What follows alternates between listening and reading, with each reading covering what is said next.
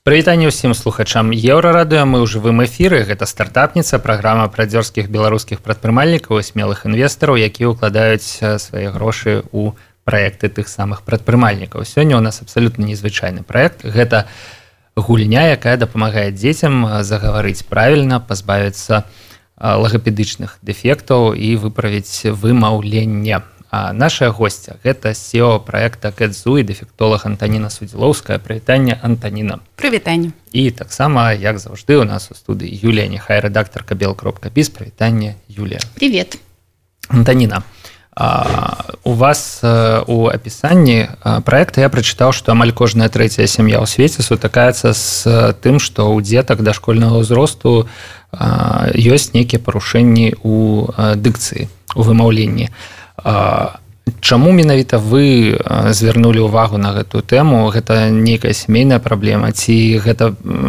паўстала з прафесіі якой вы займаецеся? І як вы з таго што вы з'яўляецеся дэфектолагам прыйшлі да сферы IT много вопросов надо как ну, это да, да, про да. пачатак. З чаго да, ўсё пачыналася да, да, да. А, ну, в моей жизни всегда какое-то такое место есть случаю, и все начиналось, наверное, сама...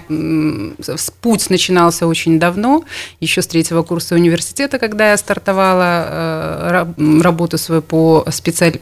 специальности, и совершенно случайно вот э, случился декрет, в котором, наверное, какой-то информационный вакуум возник, я пошла на эти курсы, познакомилась с индустрией, совершенно случайно попала в IT-стартап, э, с компьютерным зрением э, к ребятам, которые занимались переводчиком языка жестов, как э, эксперты меня пригласили в это направление. Был такой стартап белорусский, да? Да, да, да. И вот там, в общем-то, у меня совершенно повернулось мое мировоззрение. Я поняла, сколько возможностей вообще несет индустрия для образования, для специального образования, для медицины, для всех этих технологий, как, какой мост, какой вообще, вернее, пропасть какая между этими двумя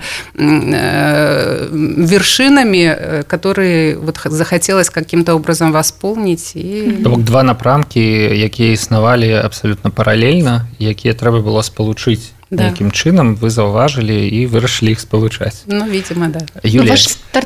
да. я хочу нават табе задаць да. пытанне А наколькі часта вось здараецца такая сітуацыя калі не айцішнікі ідуць да прафесіяналаў у іншых сферах з нейкай ідэі ну а вось давайте а да дактароў напрыклад mm -hmm. да, давайте вы док дактары нам экспертызу нейкую прадставіце а мы ўсё што мы прыдумалі реалізуем а наадварот э, з медычнай сферы чалавек mm -hmm. ідзе да спецыялістаў по IT і ну неяк штурхае іх до того каб зрабіць нейкі проект ну вообще мне кажется на этот вопрос можно ответить точно так же как как часто а, люди без профильного журналистского образования становятся журналистами. Да, и наоборот, журналисты профессионально уходят из профессии. То есть э, есть масса примеров, когда а, медицинские стартапы делают технарину, допустим, у них члены семьи или очень какие-то близкие люди, они занимаются скинайф стартап и DeepD, это как раз-таки такие истории. Вот. А, в принципе, есть такие. Да. Тут самое у нас главное, не выключение. Да, то есть самое главное, на самом деле, когда человек просто знает очень хорошо свою профессию, и он увлечен ею, а если вдруг ему дать информацию со стороны, что сюда можно подключить технологии и а, масштабировать это все, то решение приходит моментально. А дальше уже вопрос, чтобы сложились в команду, а, сделали продукты и прочее. Собственно, об этом и вопрос. А, как вот, э, сколько времени у вас ушло на создание MVP? Um...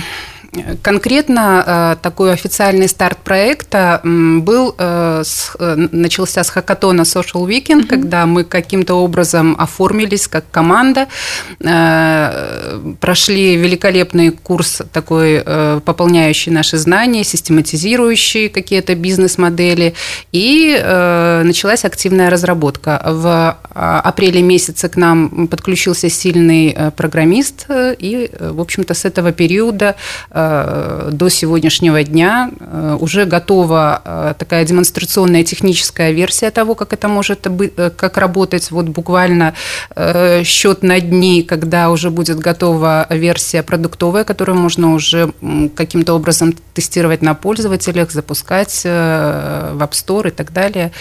Ну, угу. вот. Вы привлекали к финансированию? То есть 2000? Нет, пока что все на собственном... То есть это все собственное средство? Да, да, да. Прилично, конечно. Но ваш стартап все-таки, он больше образовательный или медицинский? Понимаете, в разных странах э, сама логопедия, сфера находится в разных юрисдикциях. Э, у нас это постсоветское пространство, это образование. Э, специалисты, которые имеют логопедическое образование, заканчивают педагогические вузы. Сейчас вот выделился в Институт инклюзивного образования дефектологический факультет, ну, то есть какую-то некую среднюю форму приобрел. Очень много медицинских специальностей мы проходили, очень много психологии было. Э, на Западе Америка, Германия, э, часть Европы – это медицинская, сугубо медицинская специализация, mm-hmm. и поэтому вот э, здесь такое на стыке, я бы сказала. Но вы на каких рынках планируете работать? Э, апробация э, продукта, общение с пользователями, э, безусловно, на нашем белорусском, на российском рынке. Я очень хорошо понимаю эту целевую аудиторию, но если коммерциализировать проект, то, конечно, нужно двигаться в сторону Соединенных Штатов, UK. Мы активно изучаем эти рынки, просматриваем, как-то общаемся с потенциальными пользователями нашего продукта. Европа. Але вот э, сайт кэцу game.tilda.ws ён все ж таки на ангельскай мове зроблены. Нягледзячы на тое что стартуеце вы ў беларусі апрабацыю збіраецеся рабіць у беларусі сайт по-ангельску Да, он был в двух версиях. У нас все время какая-то переходная фаза между чем-то и чем-то. Сейчас русская версия, естественно, где-то там дорабатывается, корректируется.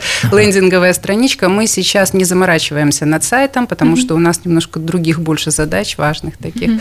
А можно такой вопрос? Можно. Так, сейчас я что-то хотела спросить. А, какого прогресса вообще можно достичь с помощью вашего приложения? Потому что вот э, логопед, которая занималась с моим ребенком, она очень увлечена своей профессией. Я безумно рада, что вот мы с ней познакомились.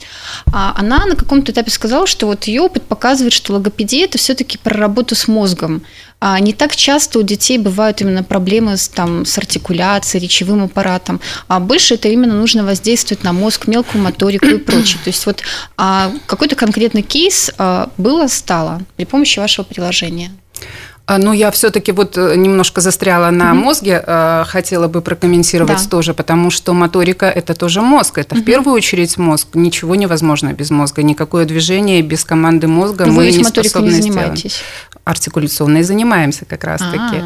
А. Моторный центр артикуляции и пальцев рук находится очень, ну, если рассматривать как орган головной мозг, то эти центры очень близки друг к другу, и поэтому, почему говорят, развивая мелкую мелкую моторику мы влияем mm-hmm. на речь, потому что происходит иррадиация, то есть вот эти все нейронные связи, когда мы двигаем пальчиками, они распространяются на моторные центры артикуляционные, соответственно, опосредованно мы вовлекаем это. Но как-то вот научно так вот э, объективно доказать на сегодняшний день мы не можем, потому что даже МРТ у ребенка с э, неразвитой речью, она не сможет дать каких-то объективных э, данных было-стало. Мой многолетний опыт работы показывает, что артикуляционная гимнастика, вот то, что конкретно мы представляем в этом упражнении, в приложении, ну, это такой, у кого-то она может занимать несколько недель и помочь ребенку понять, что такое язык и где, куда его там установить для звука, а кому-то необходимо восстанавливать связь между, разрушенную связь, угу. ввиду всяких причин, между мозгом и языком. Для того, чтобы эту связь восстановить, нужно двигаться, двигаться. Когда человек обездвижен, любая моторика требует вот этого вот от и до, вот восстановить это движение. А что нам рекомендуют, когда у нас какая-то ослабленная активность двигательная? Упражняться. Mm-hmm. Ну и, соответственно, вот здесь таким образом, сколько язык двигается, столько начинают расти органические э, нейронные связи между отделами мозга, э, крепнуть, mm-hmm. соответственно, лучше и тоньше и точнее становится движение языка, и уже отсюда можно идти в какие-то звуковые mm-hmm. направления так получилось, что у нас, к сожалению, не получилось, э, так получилось, получилось mm-hmm. запустить видео. А не могли бы вы пояснить, как все-таки устроен курс и как вот вы дифференцируете маленьких пациентов, э, то есть ребенку, у которого все неплохо, но нужно только R и Ш подправить, да, от тех, у которых вот нарушены эти связи? У них ведь очевидно, что разные программы. Безусловно. Э, само уже в релизе мы видим свое приложение таким образом. Оно будет тестировать состояние моторики. Есть определенные комплексы упражнений, в которых мы можем увидеть какие-то патологические моменты. Тремор языка, говорящий об органических каких-то патологиях, там различные там, проявления соливации, ну, масса других таких специ- специализированных терминов. Либо же просто неполный объем движения, неточное движение. Может быть, просто не хватает, просто нету верхнего подъема языка. Ребенок просто, а очень много звуков э, упираются именно в этот верхний подъем языка. Ну и, соответственно, мы уже, исходя из того, что мы видим, вернее, видит нейронная сеть, подбирается какой-то комплекс упражнений в зоне актуального развития ребенка, то есть то, что ребенок может сделать. И уже разминаясь, так сказать, на таком базовом уровне, постепенно-постепенно программа добавляет какие-то новые упражнения, отслеживая динамику ребенка и статистику выводит. Ну, это вообще такая очень сложная техническая задача, потому что вы все это распознаете в режиме реального времени, и это видео, правильно? Mm, ну да, это э, через камеру мобильного телефона mm-hmm. ребенок видит себя, видит персонажа, который демонстрирует различные артикуляции, повторяет вслед за ним. Э, есть э, ничего сложного нету, mm-hmm. это конечное число этих упражнений, это не, не какой-то там огромный объем. Mm-hmm. То есть тут есть нижний, средний ряд, подъем, какое-то укрепление там корня языка, ну, то есть угу. какие-то вещи, щеки, губы, если какие-то порезы есть э, легкие, тоже здесь можно в каком-то направлении работать. Ну. А сколько видов артикуляции распознает вот сейчас ваше приложение и сколько их всего бывает? Э, э, сколько видов, э, сколько упражнений, я насчитала около 50. Всего? Да, да. Угу. Ну, то есть тут уже фантазия специалиста. Может, кто-то что-то там с подвыподвер там придумает такое. Два орешка А4, да? Ну, типа того. Сейчас язык вверх, вниз, влево, вправо, угу. трубочка, улыбка. Вот шесть основных артикуляций, причем мы даже для себя удивились. Мы выяснили не только, мы сначала хотели добиться вот в первой версии наличие и отсутствие упражнения. Но э, в ходе разметки датасета получилось так, что э, нейронная сеть начала различать не только э, вверх-вниз, но и вверх сильно, слабо, ну, влево сильно. Сеть. То есть она более точная, то есть она уже видит не полный объем. На сегодняшний день мы уже какую-то минимальную диагностику можем проводить и уже различать ребенка с таким гипертонусом или более ослабленным. Сколько у вас сейчас датасет? Ой, датасет около 50 тысяч видеофайлов угу. мы собрали. А, а насколько сложно было его получить? Вось як ён собрался Мы сотрудничаем с учреждениями образования, подписываем согласие с родителями, кто заинтересован в развитии. Вообще, на самом деле, охотно идут родители на эти вещи, особенно те, которые понимают значимость mm-hmm. для своих детей, которые знают, что потом же это будет на базе этих учреждений опробироваться, и в пользовании им эти приложения будут э, отданы, поддерживают охотно. А, ну, физически собирать это сложно. Это mm-hmm. нужно сидеть с каждым ребенком, с ним артикулировать, артикулировать, как язык на плечо после дня сбора датасета, и вот так вот каждый день. Ну вот как на вас выйти родителям, у которых э, вот в их учреждении образования нет такой возможности, вот они посмотрят эту программу, и они поймут, что для них это очень актуально, вот они хотят пострудничать. Что им делать? Куда писать? Да, я свободна в доступе в соцсетях без угу. проблем Кэдзугейм, кропка тильда, кропка. Да, да, да. Артикуляция у меня есть э, группа в Фейсбуке, туда тоже можно писать, угу. подключаться. Мы, ну, правда, то, уже. Да. Ну, то есть, а дальше, получается, есть какие-то конкретные центры, вы скажете их адреса, вот алгоритм? Первую версию, вот то, что сейчас будет запущено, мы все-таки протестируем и будем э, сотрудничать с теми учреждениями, с которыми мы опробировали, э, договорились, и это будет ну, какой-то ограниченный период времени, а потом, когда мы убедимся в том, что да, это можно,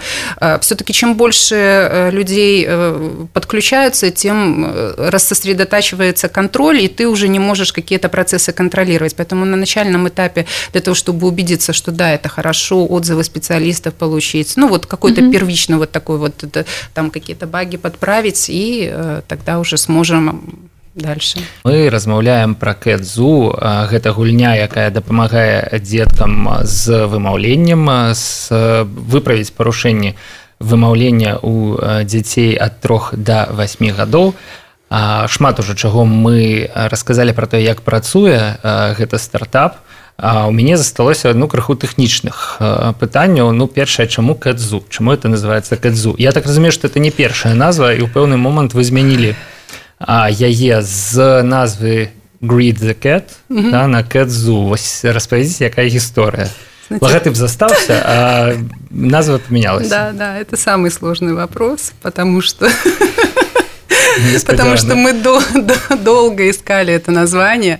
А, очень много уже занято таких вот э, эм, слов, как лого. Лого вообще в английском языке в логотипы уходит. Э, арти в арт вообще mm-hmm. уходит. И вот крутили-вертели и пошли от потребности ребенка то, что ему больше всего нравится. Проводили mm-hmm. тестирование, анкетирование родителей, э, где не сказать, что большинство, но очень часто возникало слово котиков любят дети. Угу. Ну вот, вот появился котик как персонаж этой игры, который сопровождает, который консультирует, причем консультирует э, э, не только детей во время, э, ну как визуально поддерживает детей во время выполнения упражнений, но и родителям дает какие-то советы по развитию речи. Вот вот Зу. А Зу? Зу, потому что так. гладиолус, не знаю.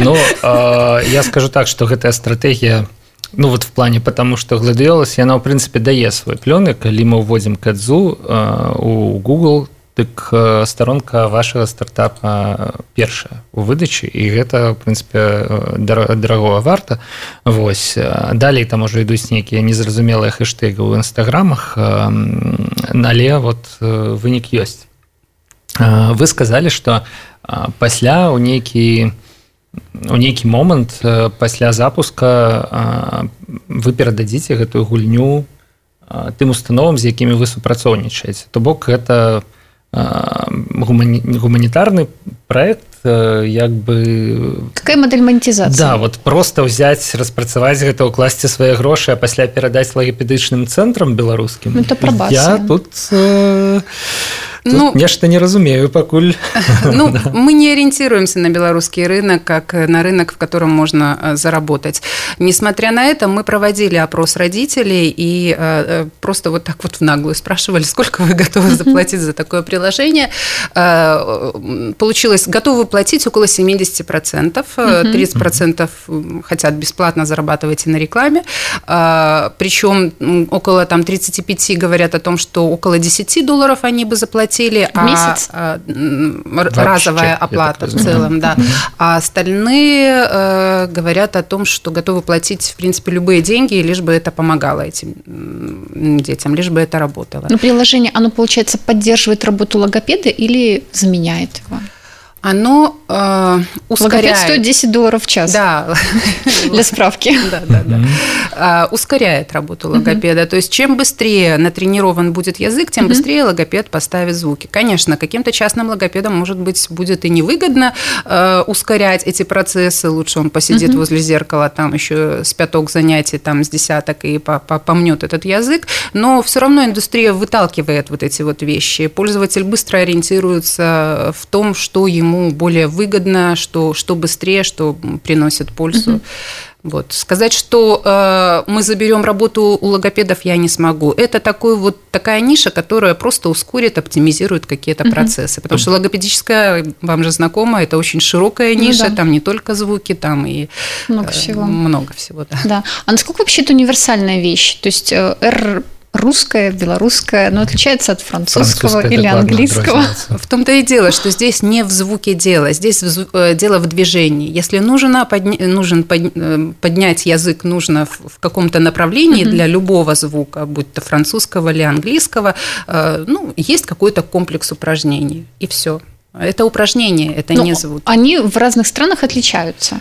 Нет. Нет? Ну, как могут отличаться? Ну, просто для разных звуков могут быть разные подобраны упражнения, но все равно их набор конечный. Мы не можем ничего сделать такого с языком, чего мы не можем сделать. Ну, нужен, нужно, допустим, э, там вибрация, да, то есть есть какие-то там лошадки, там какие-то еще упражнения. Ну, они, они оптимальные, это, это только движение. Когда у вас намечен, извини, Паша, пожалуйста, okay. когда у вас намечен релиз, и что в него войдет? Э, полный релиз э, планируется во втором квартале 2000 э, года. Если все будет хорошо, будем развиваться и двигаться в такими же темпами, как все происходит сейчас, то это будет около 30 артикуляций э, с различной степенью э, распознавания их точности, с распознаванием э, неких таких девиаций языка, угу. таких как, ну вот я уже упоминала, тремор и так далее.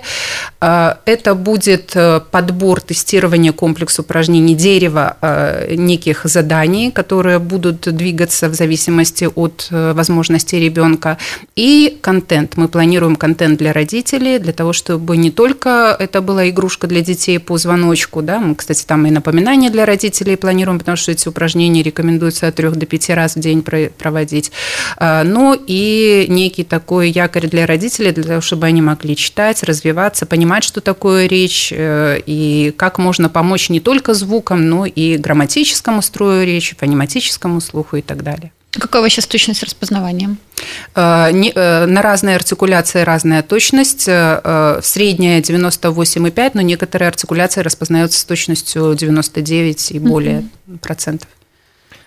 Я так зразумеў, што як і шмат якія медычныя стартапы ён все ж таки існуе паралельна з дактарамі то бок дактары нікуды не дзеюцца яны па-ранейшаму працуюць з пацыентамі але гэта дапамогу ну так да круто Вось просто я пазнаю іншых спікераў і іх слова і мне здаецца што ледзь не ўсе стартапы медычныя яны функцыянуюць менавіта так ніхто не спрабуе заменіць доктора ну это опасно вообще говорить что мы заменим хірургов Никто ну, такого не говорит. Нет. Да, бок толькі дапаможам. А ці ёсць нейкія магчымасці колькасна вымераць вынік Ну вось напрыклад паказаць яго інвестару напрыклад uh -huh. наш стартап дапамагае такой-то колькасці дзяцей дапамог да вось неяк упэўненых гэта сказаць каб ну пасля дэманстраваць гэтыя лічбы у пошуку фінансавання задумывались над этим вопросом так сказать будет невозможно потому что у всех совершенно разное состояние вымерять всех по одному и скорость каким-то образом сопоставлять будет невозможно все будет идти от ребенка от конкретного ребенка и динамика будет замеряться относительно конкретного ребенка и это правильный подход я считаю Здесь мы можем какие э, во внимание брать э, нюансы? Это э, именно для просмотра динамики нейронная сеть сможет видеть, насколько изменилась степень истощаемости при выполнении упражнений, ну, то есть насколько окреп его язык. То есть если ребенок, а дети очень быстро истощаются во время этих упражнений,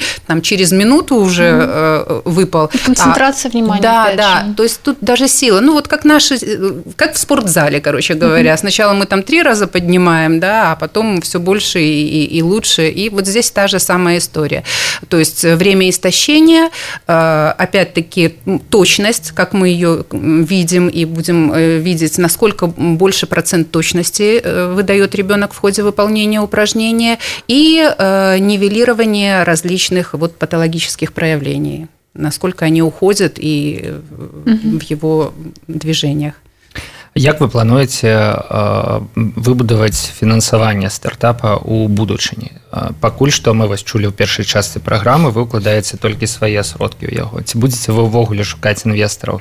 Ці ўсё ж таки тая версія якая выйдзе ў другім квартале два -го года яна будзе зробленая цалкам на сто процентаў вами як уладальнікамі стартапа Конечно, мы э, упремся в какие-то моменты, когда потребуется привлечение трафика, когда потребуется расширение штата сотрудников, когда дело пойдет уже на такую индустриальную какую-то гонку, если появятся конкуренты на сегодняшний день, вот именно в технологическом аспекте мы не видим их Здесь понадобится подключение инвестиционных э, таких вливаний, но вообще мы так настроены э, строить э, этот стартап как хороший бизнес стабильный. То есть, ну, я считаю, что если мы так будем к этому относиться, то и инвестиции придут, и, соответственно, и, и, и заработок будет. Ну, Слушайте, а вот вы... это не продукт на продаж? для экзіта нейкага а прадукт на нейкі даволі доўгі час якім вы плануеце займацца ну я не ведаю до пенсии.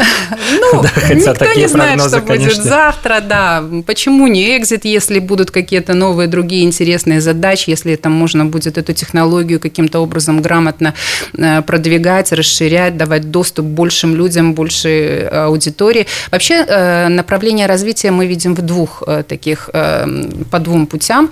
Прежде всего, это продуктовый запуск, развитие продуктовой линейки, добавление различных игр, каких-то вот применения таких управляющих элементов э, в, э, в своих развивающих играх. И B2B э, сегмент – это то есть, если по бизнес-модели, то B2B и B2C. Если по вообще принципиальному такому концептуальному развитию, то это технологическое развитие технологии и развитие продукта. Технология – это само распознавание языка, мы это можем упаковывать в SDK и предлагать каким-то эду-гейм подписку, то есть лицензия, какие-то вещи мы можем вот, вот в таком э, формате предлагать. Мы можем предлагать пакет для клиник, для каких-то развивающих центров, э, которые будут применять это в своей работе. И, собственно, э, через App Store B2C. Ну, я читала, что у вас вот, в принципе, в презентации у вас сказано, что вы можете масштабироваться, в том числе, допустим, за счет обучения фонетики иностранного языка, да. за счет фейс-фитнеса, Саша. Ты, Паша.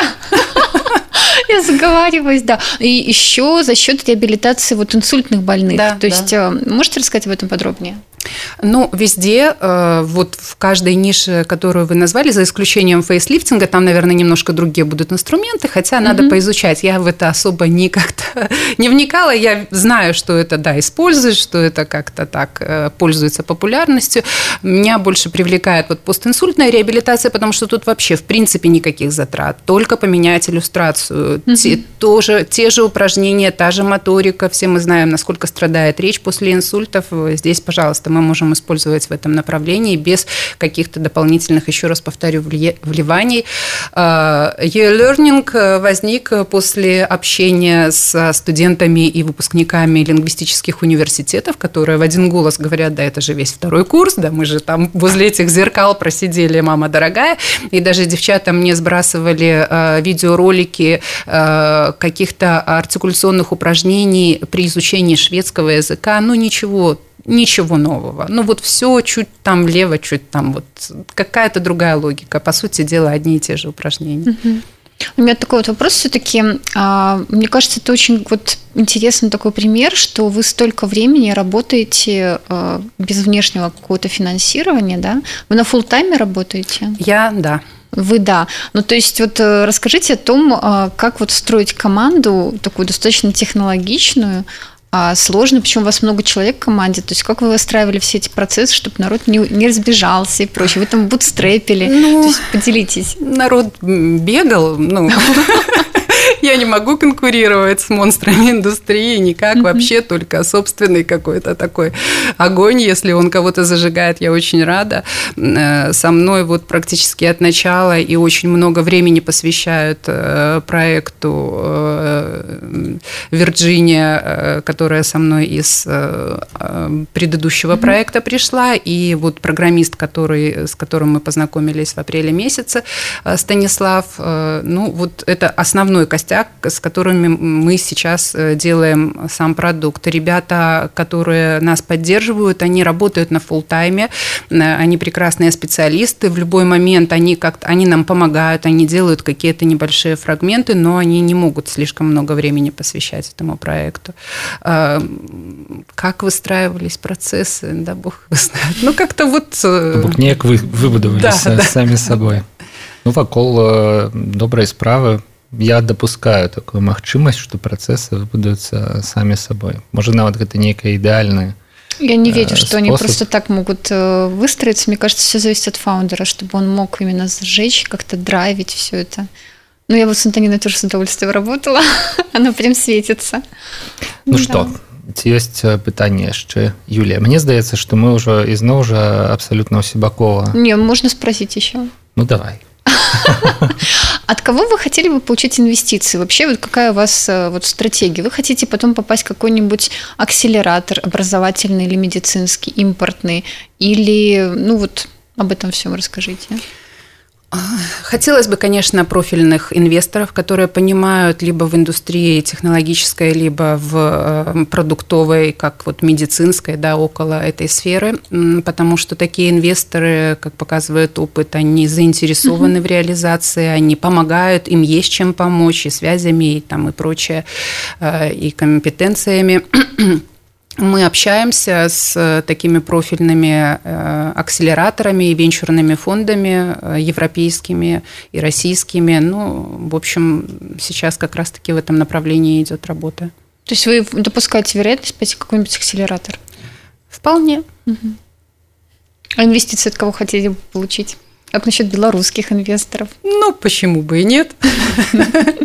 Все ж, да. Белорусские инвесторы, российские инвесторы – Вось цікава.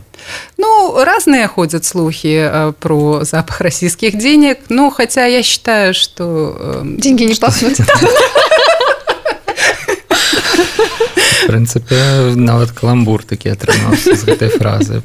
Ну чаму не? вельмі пазітыўна у нас зараз атрымаўся эфір. І насамрэч ужо нават калі засталіся нейкія пытанні то ўсё ж таки яго час скончыць. Гэта была стартапніца. Мы размаўлялі пра гульню кэдзу якая дапамагае маленькім дзецям загаварыць правільна.